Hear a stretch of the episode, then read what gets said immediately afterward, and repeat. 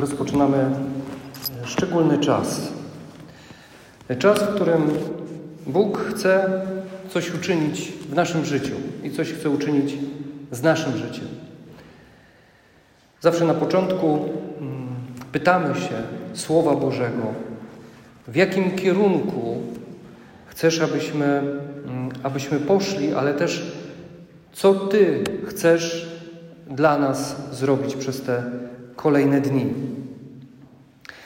I słyszymy w księdze Ozeasza: Uleczę ich niewierności, umiłuję z serca.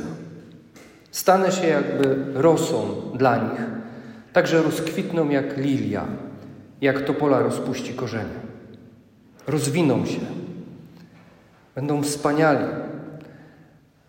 Ich woń będzie jak woń Libanu. I wrócą znów, by usiąść w mym cieniu.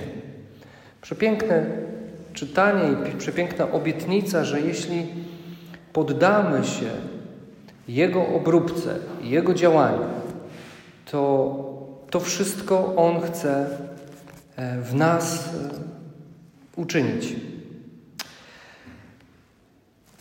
I Ewangelia pokazuje nam e, dokładnie, czego chce nas nawracać i do czego chce nas prowadzić. I chciałbym na początku skupić się tylko e, na dwóch e, zdaniach e, z tej perykopy. Na samym początku. Oto ja was posyłam jak owce między wilki. Bądźcie więc roztropni jak węże, a nieskazitelni jak gołębie. Wiecie, mm, to takie są miłe słowa, kiedy Bóg definiuje nas jako owce. Ale przecież myślę sobie, że w każdym z nas jest y, trochę tego wilka. Każdy z nas jest grzeszny. Każdy z nas ma tą, tą ranę grzechu pierworodnego.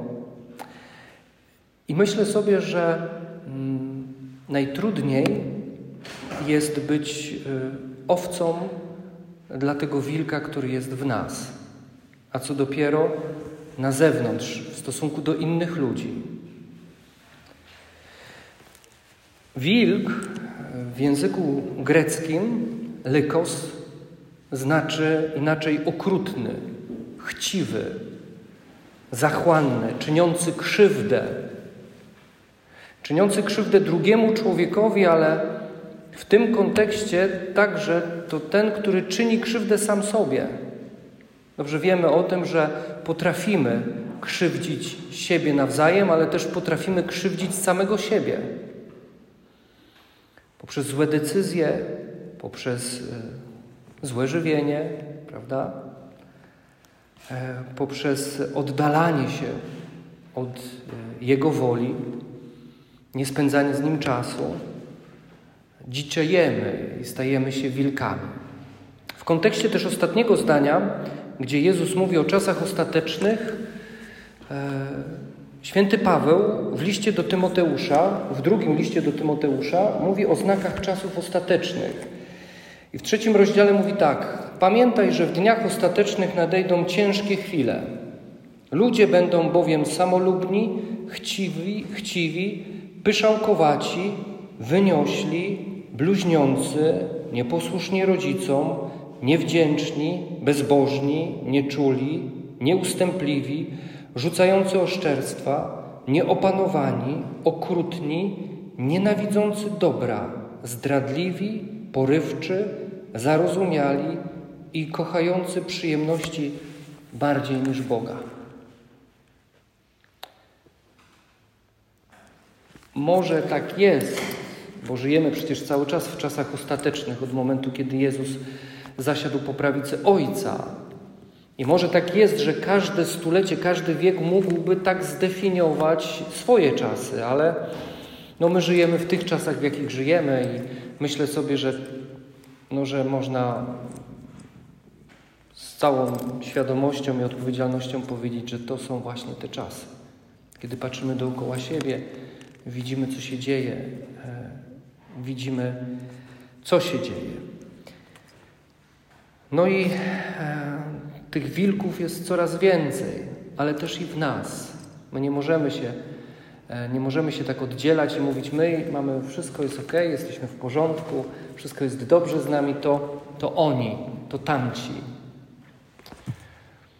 To słowo dzisiejsze nas ma skonfrontować z naszym sercem. I te rekolekcje, które rozpoczynamy, to jest czas, kiedy Bóg będzie chciał konfrontować nas samych ze sobą, żebyśmy mogli spojrzeć na swoje serca i zobaczyć, ile w nas owcy, a ile wilka.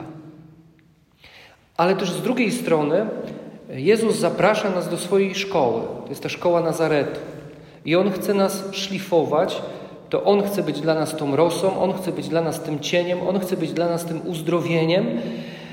I poprzez miłość, którą będzie nam dawał, chce nas leczyć i nawracać do siebie. Innymi słowi, słowy, chce, aby nasze postawy w życiu były właśnie postawami roztropności i nieskazitelności. Bo Jezus wie, że to są dwie cechy, które mogą strzec nas i uchronić nas przed tym, by stać się wilkiem. Co to znaczy roztropny? Znów, kiedy sięgniemy do języka greckiego, w którym ta Ewangelia została napisana, to w języku greckim roztropny, fronimos, znaczy inteligentny, mądry, roztropny. I to jest też ważne teraz to. Świadomy swojego dobra, świadomy tego, kim jest, świadomy prawdy o sobie, czyli człowiek pokorny. Roztropny to jest też człowiek pokorny, znający sam siebie. To jest człowiek świadomy swojego dobra. E, jeden z ojców Kościoła powiedział, że dobro w człowieku to jest poznanie Boga.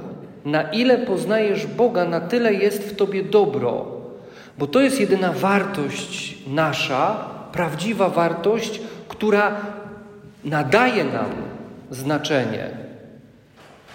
Poznanie Boga to jest to właściwe dobro, które stawia nas we właściwym miejscu. A więc świadomość swojego dobra to jest świadomość Boga w swoim życiu. I będziemy się temu przyglądać, na ile ja poznaję Boga, na ile ja znam Boga w swoim życiu. To znaczy być roztropnym, więc mądrym, inteligentnym, e, roztropnym, ale też świadomym swojego dobra, czyli świadomy swojej relacji z Bogiem i świadomy tego, na ile zna Boga, na ile znam Go. I nieskazitelny, znów kiedy sięgniemy do języka greckiego, okazuje się, że nieskazitelny to jest ten, który jest bez domieszki, czysty. To jest człowiek, który ma umysł y, bez jakiejkolwiek domieszki zła, wolny od podstępu, niewinny, prostoduszny, szczery i otwarty. Więc zobaczcie, moi drodzy, jest trochę pracy przed nami, żeby siebie tak właśnie oszlifować, dać się oszlifować. No, nikomu z nas nie brakuje inteligencji, prawda? I mądrości życiowej, to jest jasne. Ale już tutaj ta świadomość własnego dobra, świadomość tego, na ile znam Boga i znam siebie, tu już może coś kuleć. Roztropność może też gdzieś tam będzie wymagała trochę e, pracy.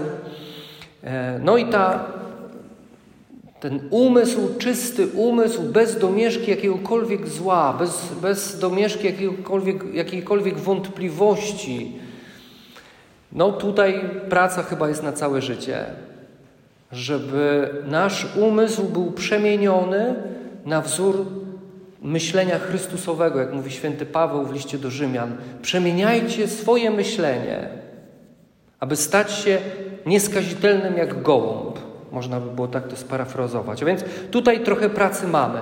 Każda nauka rekolekcyjna, każde spotkanie z drugim człowiekiem, każde bycie ze sobą nawzajem będzie przemieniało nasze myślenia. Więc bądź uważny na to, co się tutaj będzie działo. Bądź uważny na każde słowo, bądź uważny na każde spotkanie. Też bądź uważny na swoje reakcje głowy, ciała, by też poznawać siebie. I znów tutaj ta niewinność, prostoduszność, szczerość, otwartość, bycie wolnym od jakiegokolwiek podstępu, no to są rzeczy, nad którymi cały czas musimy pracować. I Bóg chce tę pracę w nas wykonać. To, co my musimy zrobić, to być tutaj na miejscu. To, co my musimy zrobić, to uczestniczyć w tym wszystkim, co proponuje nam na ten czas, żeby nic nie zgubić, nie uronić niczego, ale w tym wszystkim, co tutaj będzie proponowane, żeby być na tyle, na ile potrafię i na tyle, na ile będę miał sił, bo powolutku będziemy wchodzić w taki kryzys. Ciało zacznie trochę mm, przysypiać, trochę coś tam zaboli, coś się zadzieje w organizmie, coś, czego, co nie działo się do tej pory. A więc będzie trud. Będzie trud, ale też i będzie wielka radość na końcu, kiedy zobaczymy, jaką pracę wykonaliśmy z łaską Bożą, na ile pozwoliliśmy Duchowi Świętemu w nas działać. A więc bądź otwarty, bądź ciekawy każdego dnia. Bóg chce wyszlifować w nas roztropność i nieskazitelność i wyrugować z nas e, jakiekolwiek sygnały, symptomy, wilcze symptomy. Miejmy nadzieję, że nie będziemy mieli tutaj wilczego apetytu i nie będziemy mieli wilczego spojrzenia, prawda, na sąsiada sprzeciwka przy stole, ale właśnie będziemy jak owce. Niech Pan w nas tego dokonuje, niech e, to dzieło w nas wykona, niech nas leczy, niech będzie dla nas rosą.